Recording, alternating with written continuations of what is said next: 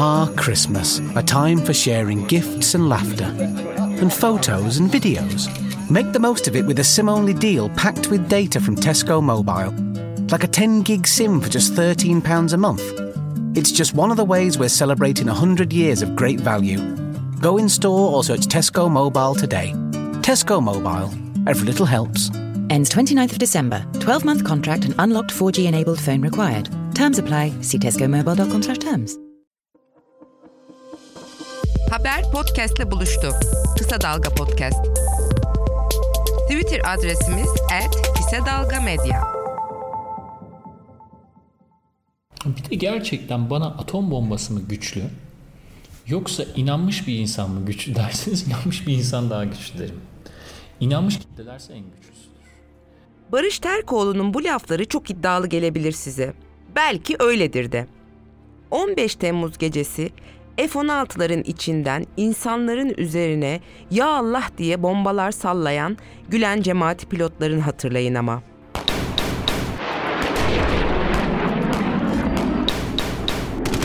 Ya da tankların içinden çıkan generalleri. Bir gecede 250 insanın ölümüne sebep olan askerleri, polisleri, jandarmayı. Hatırlayın, itirazlara rağmen dini bütün diye el üstünde tutulan, devletin her kademesine Allah'ın izniyle yerleştirilen, hizmet ediyorlar diye alınlarından öpülen o gülencilerin bir gecede ülkeyi nasıl alt üst ettiğini. Elbette 15 Temmuz 2016 Gülen cemaatini tanıdığımız ilk gece değildi. Herkes her şeyi biliyor ama susuyordu. Sesini çıkaranlar vardı.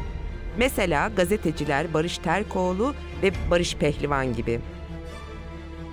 Gerçi ikisi de Gülenci savcılar marifetiyle birkaç yıllarını Silivri cezaevinde bıraktılar.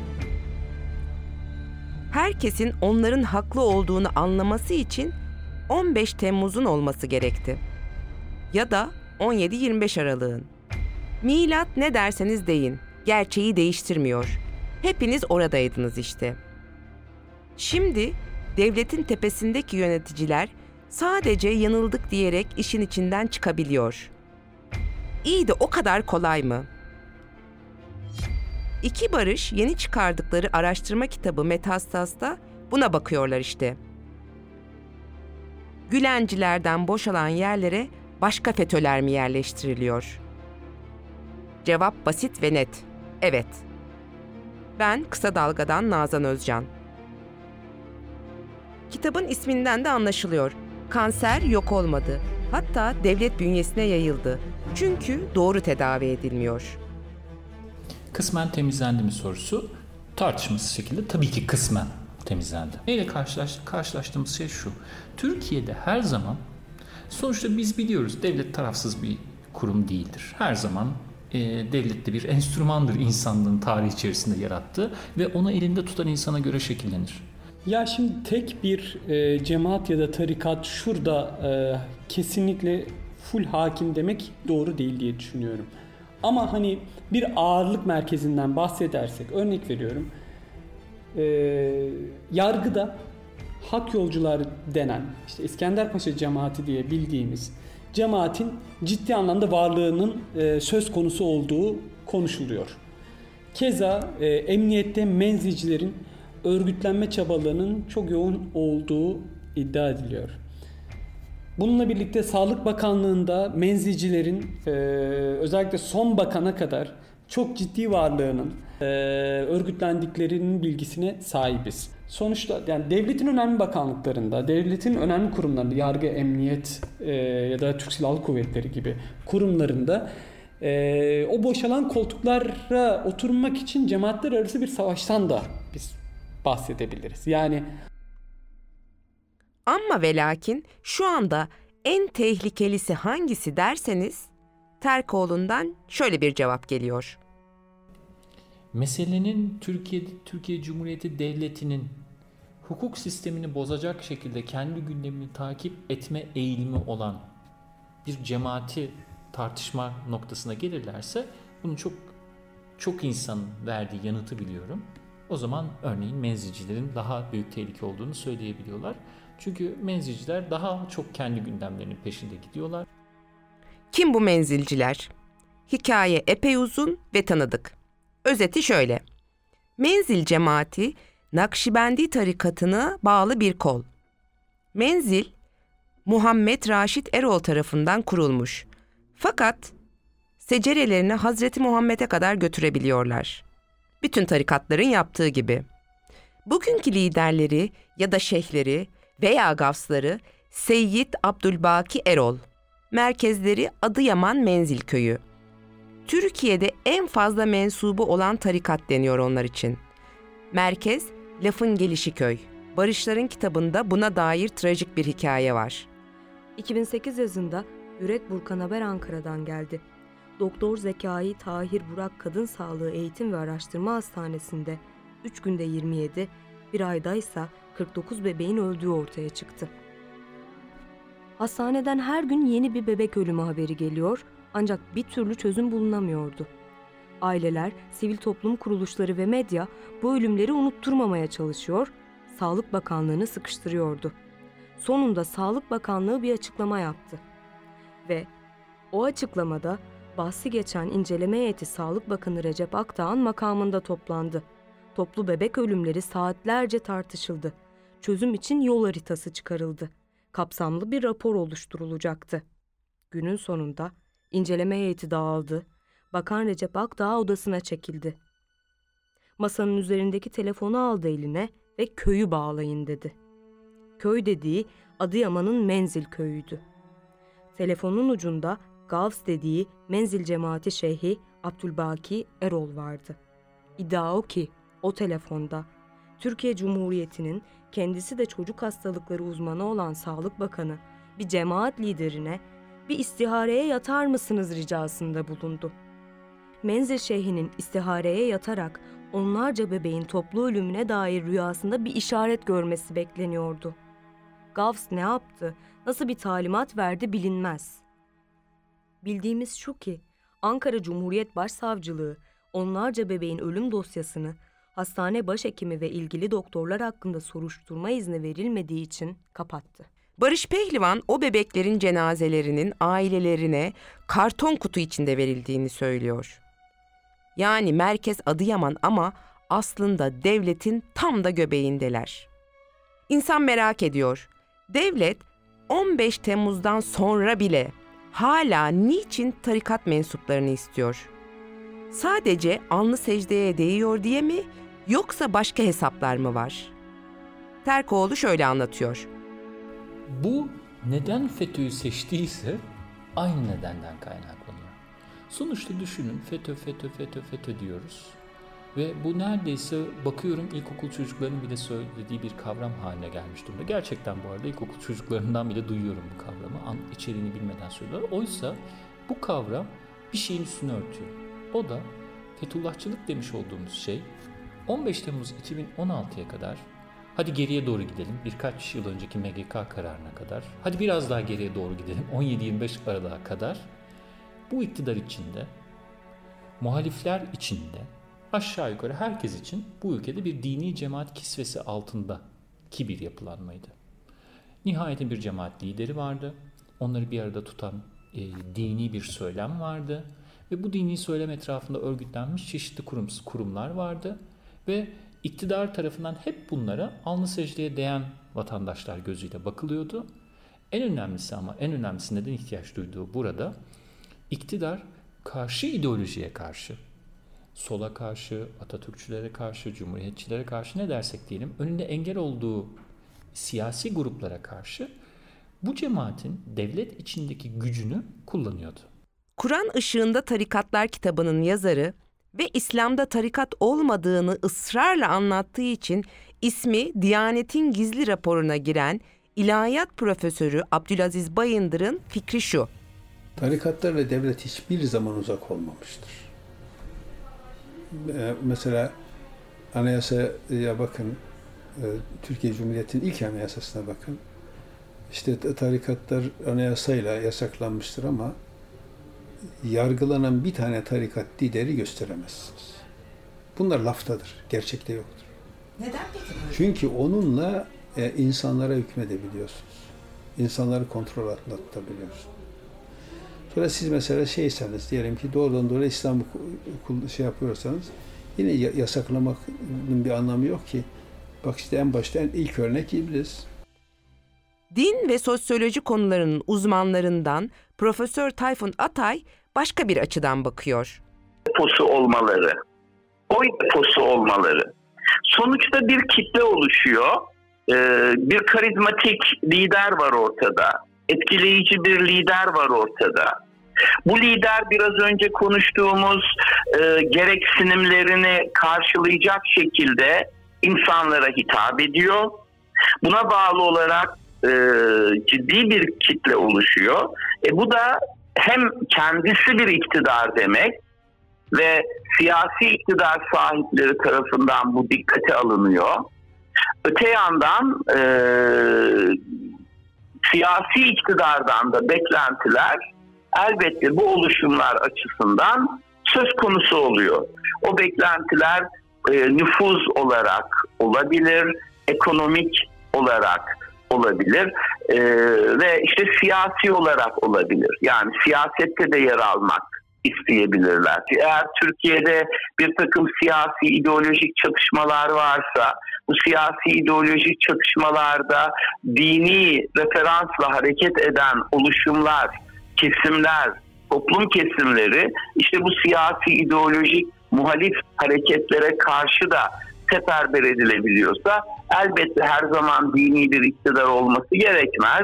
İşte bir takım askeri darbe yönetimleri de aynı şekilde bu oluşumlardan yarar umabilir ve işte iktidar e, imkanı yarattığı için bu oluşumlara e, elbette yakınlık ve şefkat gösteriliyor. Abdülaziz Hoca'nın dediği gibi işe iblis mi karıştı bilemeyiz ama Gülencilerin devlet içindeki yapılanması hiç de burun kıvrılacak türden değildi.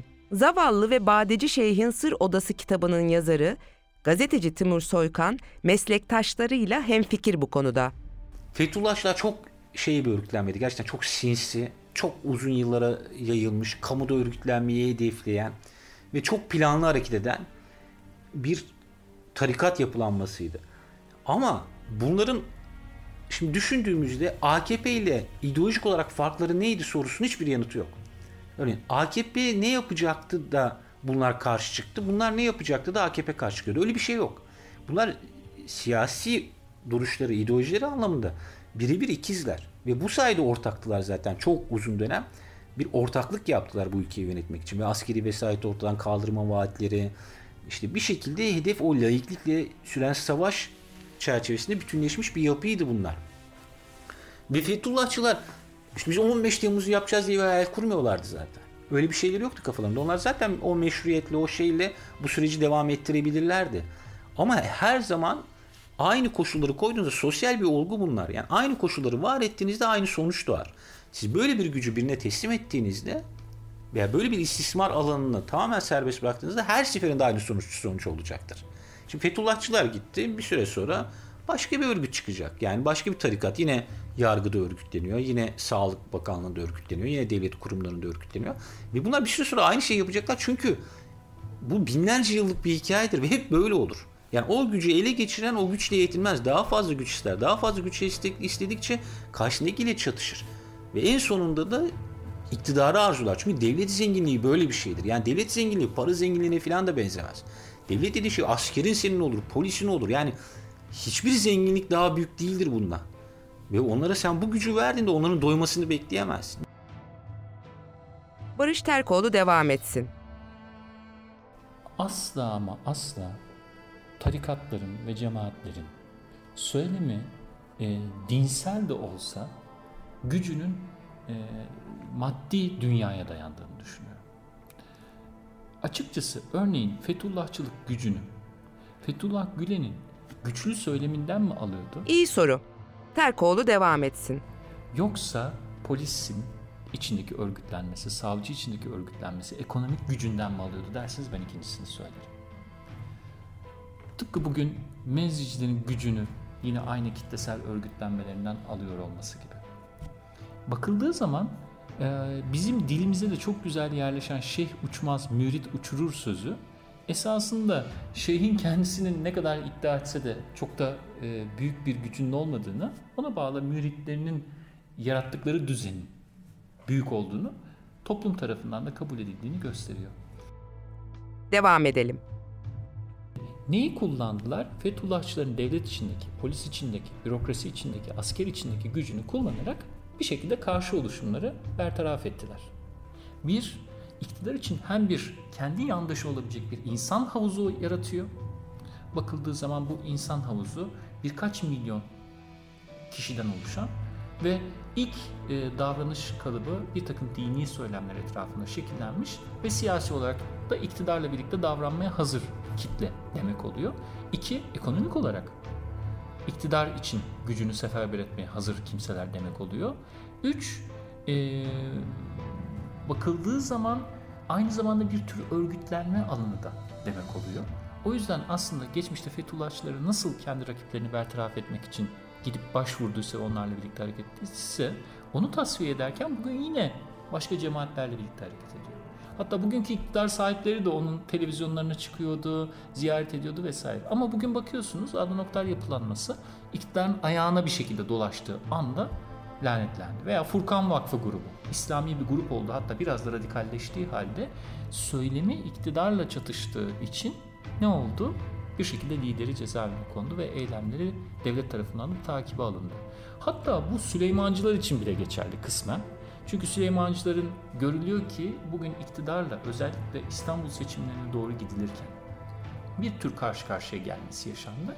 Ve bu gruba dair de iktidar içinde bir tür dinlemenin, takibin yaşandığını biz seçim sürecinde görmüş olduk. Doğal olarak bu işin sırrı bana sorarsanız cemaat kavramından çok bir iktidar o onun yani siyasal İslam iktidarını sürdürülebilmesi için hali hazırda hangi örgütlü güce, hangi maddi güce başvurabiliyorsa bunun söylemi dinsel de olsa ona gidiyorlar.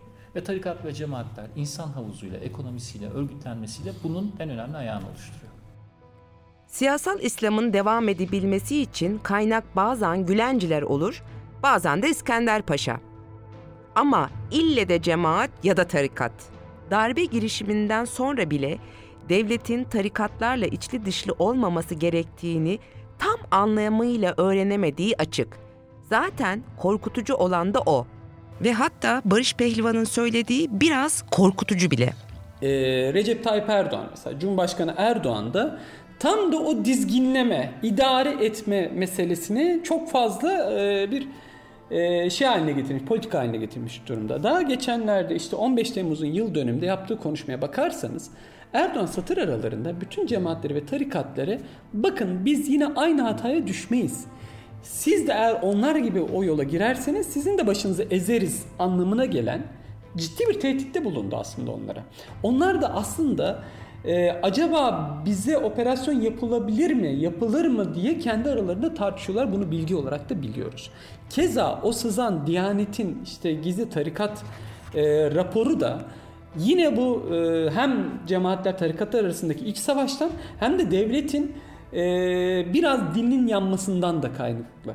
Ama tüm bu toplamda Hani şunu diyebilir misiniz? Şunu sorarsanız e, ne yanıt veririm? Yani tamam o zaman Türkiye artık yeni 15 Temmuzlar görmeyecek mi? Hayır. Görme ihtimali var. Hangisinden geleceğini bilemeyiz elbet.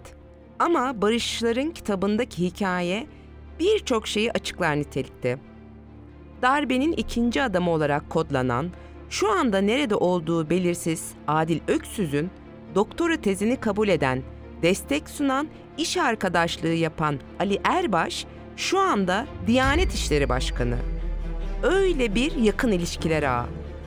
Diyanet deyip geçmeyin. Diyanet 2019 rakamlarına göre 10.4 milyarlık bütçeye sahip. Siz olsaydınız darbenin ikinci ismiyle hasbel kader diyelim iş arkadaşlığı yapmış birini mi getirirdiniz o kuruma?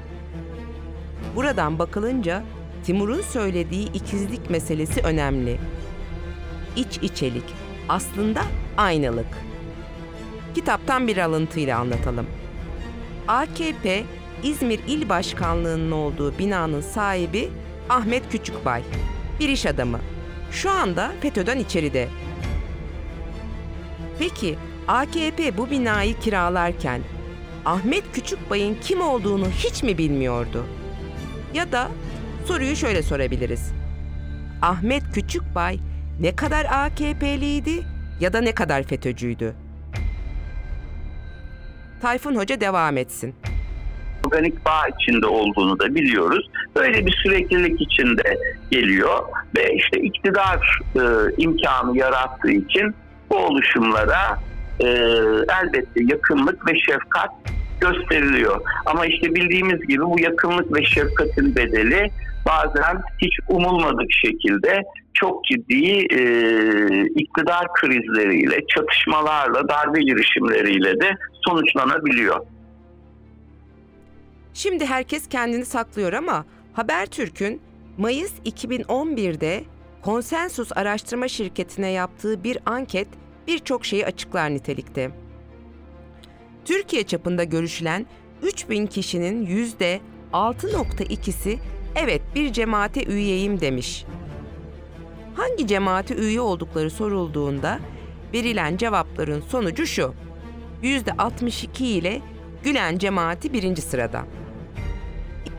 İkincilik kürsüsü %16.3 ile menzilciler ve Süleymancılar arasında paylaşılmış. İşin daha da ilginci şu. Seçmen dağılımına bakılınca üyelerin %9'u ben AKP'liyim demiş. En yakın rakibi %4,5 ile MHP. Aslında denklem apaçık ortada. Devlete bakınca sanırsınız ki ülkede liyakat sahibi ya da Gülen'e üye olmayan kimse yok. Resmi raporlara göre Türkiye'de 30 tarikat silsilesi, bunlara bağlı 400 kol, 445 tekke, 800 medrese, cemaat ve tarikatlara bağlı 3 milyona yakın insan var. Terkoğlu'na göre ise şöyle. Hiçbir tarikat dikkat edin parti kurmuyor. Bakın İskender Paşacılar parti kursa yüzde kaç olurlar? Bunlar örgüt olmaktan ötürü çok güçlüler. Yani nicelik değil, nitelik önemli. Yargıdaki cemaatleşmeyle senelerce mücadele eden Hakim Faruk Özsu'nun yıllar önce yaptığı bir tanımlama var. Ve bu Gülenci örgütlenmeye cuk oturuyor. Karanlık bir odada siyah eldiven ya da siyah kedi gibiler. Yani var oldukları kesin ama asla kim olduklarını bilemiyorsun. Timur Soykan buna mafya sistemi diyor. bir tarikata dahil olmamış bir kişinin üniversiteyi kazandığında ev bulması gerekir. Üniversiteyi bitirdikten sonra iş bulması için e, çok uğraşması gerekir. İş bulduğunda kariyer yapması için yine çok uğraşması gerekir. Ama Fethullahçılarda bunun bariz örneğini gördük. Diğer tarikatlarda da öyle. Emek harcamadan birden sana işini de buluyorlar, okulunu da ayarlıyorlar, yurdunu da ayarlıyorlar. Hayat çok kolaylaşıyor. Ama o hayat çok kolaylaşırken hep akılda şey unutuluyor. Yani bir gün o verilenlerin iste- istendiği bir an olacak. Çünkü o onları verdi sana ve sen artık bir, aslında bir mafya sistemi bu. Yani o senden istendiği anda da hayatını vermen gerekecek. Nasıl bir kutsallıksa adam profesör oluyor, kadın cerrah oluyor, iş insanı oluyor, IT'ci oluyor ama bir vaizin çılgınca sözlerine inanabiliyorlar. Bunun cehaletle açıklanabilecek bir durumu yok gibi. Sözü Profesör Tayfun Atay'a bırakalım. cehaletle açıklamak en büyük cehalet olur. Bunu hiç yapmamak gerekir.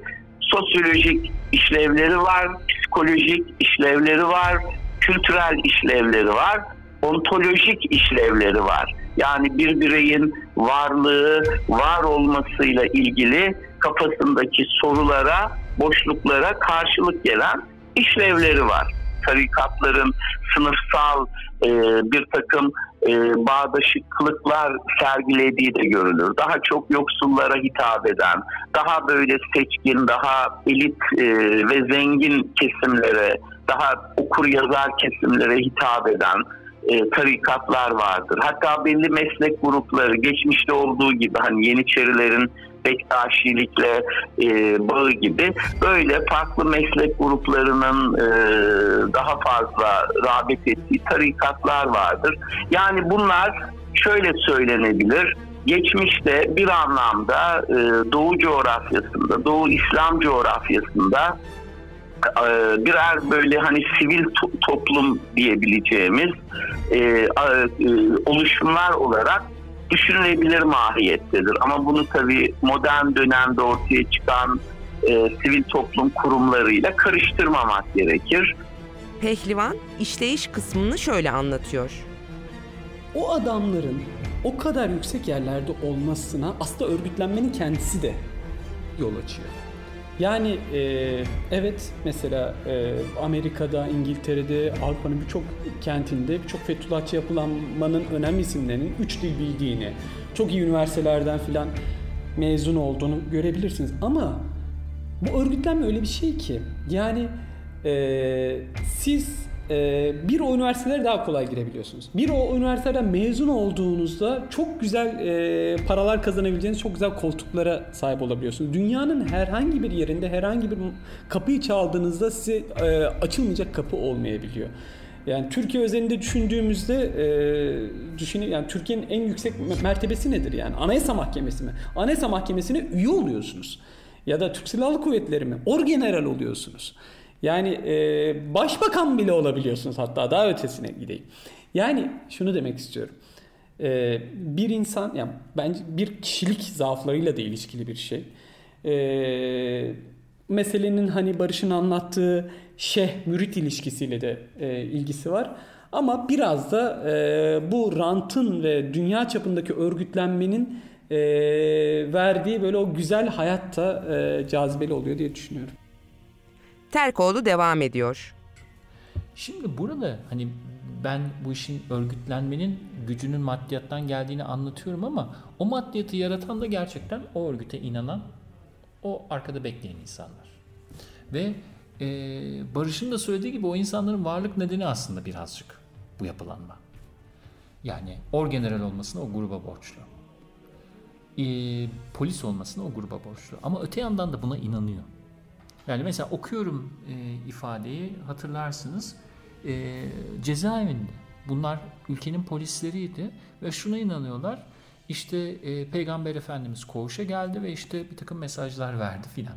Şimdi buna inanan bir insan isterse polis olsun, isterse hakim olsun, isterse savcı olsun o inandığı şey bağlı biri olduğu kesin onu hapise kadar götürmüş o bağlılık düzeyi. O inandığı şey buna her şeyi yaptırır. Barış Pehlivan örgütlenme konusunda eli yükseltiyor. Ee, Amerika'nın belli kurumlarıyla Fethullah Gülen'in e, yapılanmasının ilişkisi olduğunu çok net görebilirsiniz. Ve Fethullah Gülen'i şöyle suçladılar. Bakın 90'ların sonlarından bahsediyorum, 2000'lerin başlarından bahsediyorum. Fethullah Gülen o zamanki parayla 25 milyar dolarlık bir bütçeyi dünyada kontrol ediyor ve e, bizim ülkemizin CIA ile ilişkisi var bu adama yeşil kart verilmemeli. Burada farklı bir proje var diye. Şu an hala Fethullah Gülen neden Amerika'da, neden korunuyor sorusu mesela. Hani buna varabilirsek belki oraya gelebileceğim. Düşünebiliyor musunuz? Siz bir istihbarat teşkilatının yani CIA'in dünyanın her yerinde en küçük bölgede dahi şubesi olduğunu düşünebiliyor musunuz? İşte Türk okulları onun için var. Biz bunu Wikileaks kriptolarından gördük. Anlattığı şey aslında birçok insanın hayatını mahvetme yöntemi. Hedefe birisi konuyor. TÜBİTAK'taki adam da onlardan, adli tıptaki adam da onlardan. Rapor geliyor. Ee, işte kendinizi anlatmaya çalışıyorsun filan falan. Hakim karar veriyor. Üste gidiyorsunuz, üstteki adam da ondan. Şimdi bu çok çok çok önemli bir örgütlenme gerektiren bir şey. Yani ben dünyada e, bu kadar hani her yerde e, örgütlenebilen başka bir istihbarat teşkilatı, başka bir yapılanmanın hani tam devlet içinde devlet denen kavram tam da budur işte. Mesela menzil cemaati, menzil tarikatından bahsedersek aslında Fethullahçılar bütün bu tartıştığımız cemaat ve tarikatların idealindeki örgütlenmeyi başardılar. Fethullahçıların işte okulları vardı, menzil cemaatine ait okullar da var. Vesaire vesaire sayabilirim. Aslında birçok tarikat o para, ticaret ve örgütlenme biçiminde Fethullahçılardan çok da farklı e, değiller. Bu anlamda onlara örnek alıyorlar. Pehlivan'ın verdiği 25 milyon dolar rakamını Timur Soykan güncelliyor. Fethullahçılar hala kazıyamadıkları devasa bir şey yani hala dünyada kaç milyar 50 milyar dolardan falan bahsediyorlar oradaki varlıklarından yani diğer ülkelerde. Koca bir ekonomi. Tarikat kelime anlamıyla aslında yol demek. Tarikata girenler de Allah yoluna gidiyorlar. Ama hesap ortada. Ciddi, devasa bir ekonomi dönüyor. Hatırlayın, Gülen'in İş Adamları Derneği TUSKON Erdoğan'ı nasıl tehdit ediyordu? Denklem basit, sistem kapitalizm. Paran varsa konuşabilecek cesareti bile satın alabiliyorsun. Ki hala da öyle olduğunu söylüyor Barış Pehlivan. Bu kadarla bitmiyor. Birçok tarikatın dergisi, televizyonu, şirketleri, üniversitesi, okulları, yurtları, medreseleri, aile işletmelerinin yarattığı o devasa ekonomiyi düşünün. Yani memleket koca bir tarikat holding aslında. O noktada da başka bir iç içelik başlıyor. Para kardeşliği. Metastaz'da yazılmış. Birçok Gülenci iş adamı AKP'lilerle ortak olduğu için yargılanmadı bile. Bakınız Fettah Tamince. Allah yolu derken işin paraya ya da ekonomiye çıkması nasıl oluyor peki? Açıklama Timur Soykan'a göre çok kolay. Bunu rasyonalize etmeleri çok basit onlar için. Birincisi biraz önce söylediğim gibi tarikatlarındaki müritlerin bir akıl süzgeciyle bir mantık süzgeciyle yargılamayacağı için o tarikat yönetimini, o tarikatın zirvesine böyle bir dertleri çok fazla yok o insanları ikna etmek için. E, Peygamberimiz de ticaret yapıyordu. İşte Müslümanlar niye güzel yaşamasınlar? Tamamen zenginlik üzerine kuruldu. Ve zenginlik arttıkça da bunu alta biraz yayabildikleri için o şey sürekli büyüyor. O örgütlenme sürekli büyüyor, gelişiyor. E peki bu neoliberal tarikat düzeninden çıkmak mümkün mü? Üç gazeteciye göre de evet. Timur Soykan'ın çözüm önerisi şöyle. Birincisi yasanın uygulanması ve bu istismar alanının yok edilmesi. Bunu çünkü inanç özgürlüğü diye açıklamaya çalışıyor. Bu inanç özgürlüğü falan değil. Bu bir istismar alanı. Örneğin kölelik de binlerce yıldır vardı. Ve kölelik de binlerce yıl yaşandı. Doğru olduğu an, sonucunu çıkartmıyor. Buna tüp, topyekün bir mücadele ile ancak bundan kurtulabiliriz ve insanlarımızı kurtarabiliriz. Dediğim gibi deşifre etmek çok önemli bir kısmı. Bu istismarlar deşifre edildikçe çünkü bunun daha yüzlerce örneği var bizim bilmediğimiz. Bunlar deşifre edildikçe meşruiyetlerini, toplum nezdindeki meşruiyetlerini de yitirecekler. Üçüncü adımda eğitim. Yani topyekun bir plana ihtiyacı var. Ve laiklik biraz önce dediğim gibi yani bunun ana ekseninde laik bir cumhuriyet olma eksenine geri dönmek. Pehlivan'ınki de benzer. Eğitim, laiklik ve bilim. Bir görüşte tarikat ve cemaatleri toptan yasaklamaktan yana. Lakin siyaset bilimci Profesör Süleyman Seyfi Öğün bunun pek işe yaramayacağını düşünenlerden. Ee, modern dünyada e, teorik olarak reddedildiğini biliyoruz. Yani çünkü modern dünya akıl diyor, e, bilim diyor, fen diyor vesaire bir takım şeyler söylüyor. Fakat modern dünya insanların manevi açlığını, metafizik açlığını giderebilecek bir şey vermiyor. E, dolayısıyla o alan bir kere boş. O alan boş olunca ve bu eğilimler kabarınca e, önce böyle sivil toplumun içinde kendiliğinden oluşan bir takım oluşumlar e, ortaya çıkabiliyor ama bununla sınırlı değil gelişmeler. Bir süre sonra kapitalist bir dünyada yaşıyoruz ve kapitalizm her şeyin endüstrisini kuruyor. Bunların da endüstrileri kuruyor kendine göre. E, dolayısıyla bu hani e, yasaklama marifetiyle e, hem e, bir ihtiyaçtan zuhur etmiş hem de endüstrileşmiş bir takım yapıları e, basit kanun marifetiyle işte yasaklamak, takip etmek, kovuşturmak gibi noktalarda e, hedefe koyacak olursak e, bunun ardından çok bir şey geleceğini zannetmiyorum kriminal boyutlarıyla bunun mücadele tabii ki etmek gerekiyor. polisiye e, tedbirlerle vesaire ama bunu böyle bu yolla yok edeceğimizi falan zannediyorsak çok algı. İyi de o zaman ne yapmak gerek sorusunun yanıtı şöyle geliyor. Bu tip e, yönelişler, e, yasaklayıcı, engelleyici yönelişler e, bu gibi sorunları çözmek bir tarafa azdırıyor da. E, bunu da söyleyebilirim e, yaşanan tecrübelerden yola çıkarak. E, yani belki e, kamuoylarını uyarmak manasında bir takım kampanyalar yapılır. Sigara e,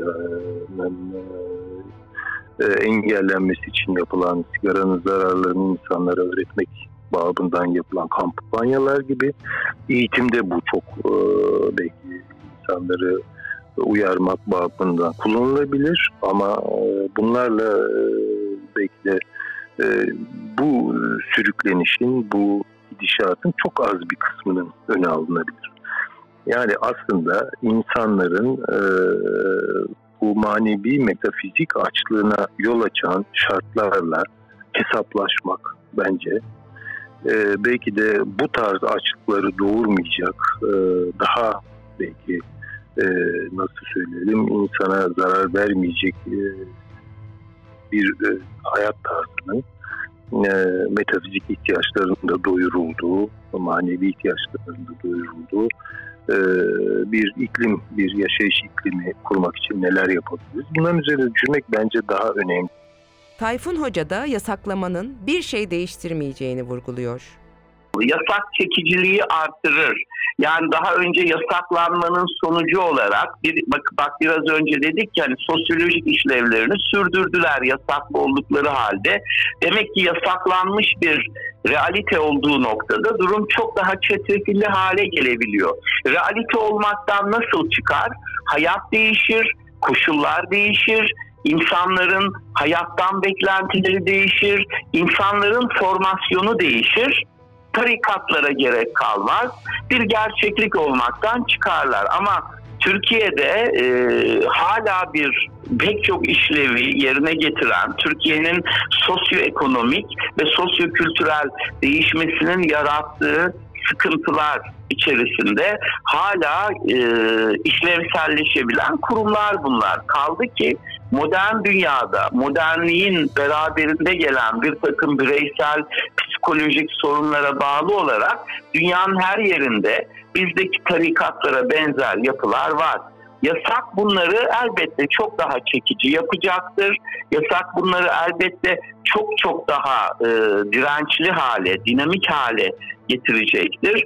E, bunları yasaklama ama kontrol et, denetle, uzaktan kontrol et. Suç varsa suçu tespit et, bunun üzerine git.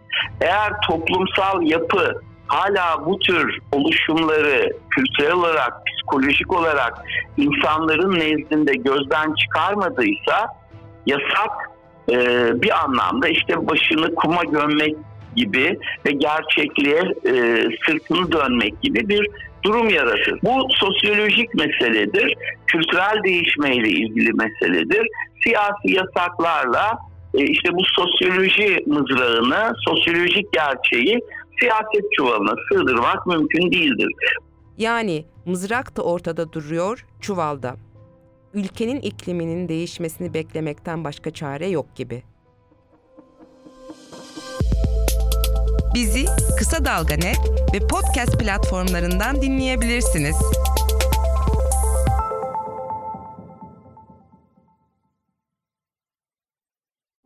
Let's begin our nighttime relaxation. You've never felt more. Feel your eyelids getting. Now let yourself lay back and get a good night of. Uh. When cold and flu symptoms won't let you sleep, ask for Night Nurse. Its unbeatable strength helps put cold and flu to bed.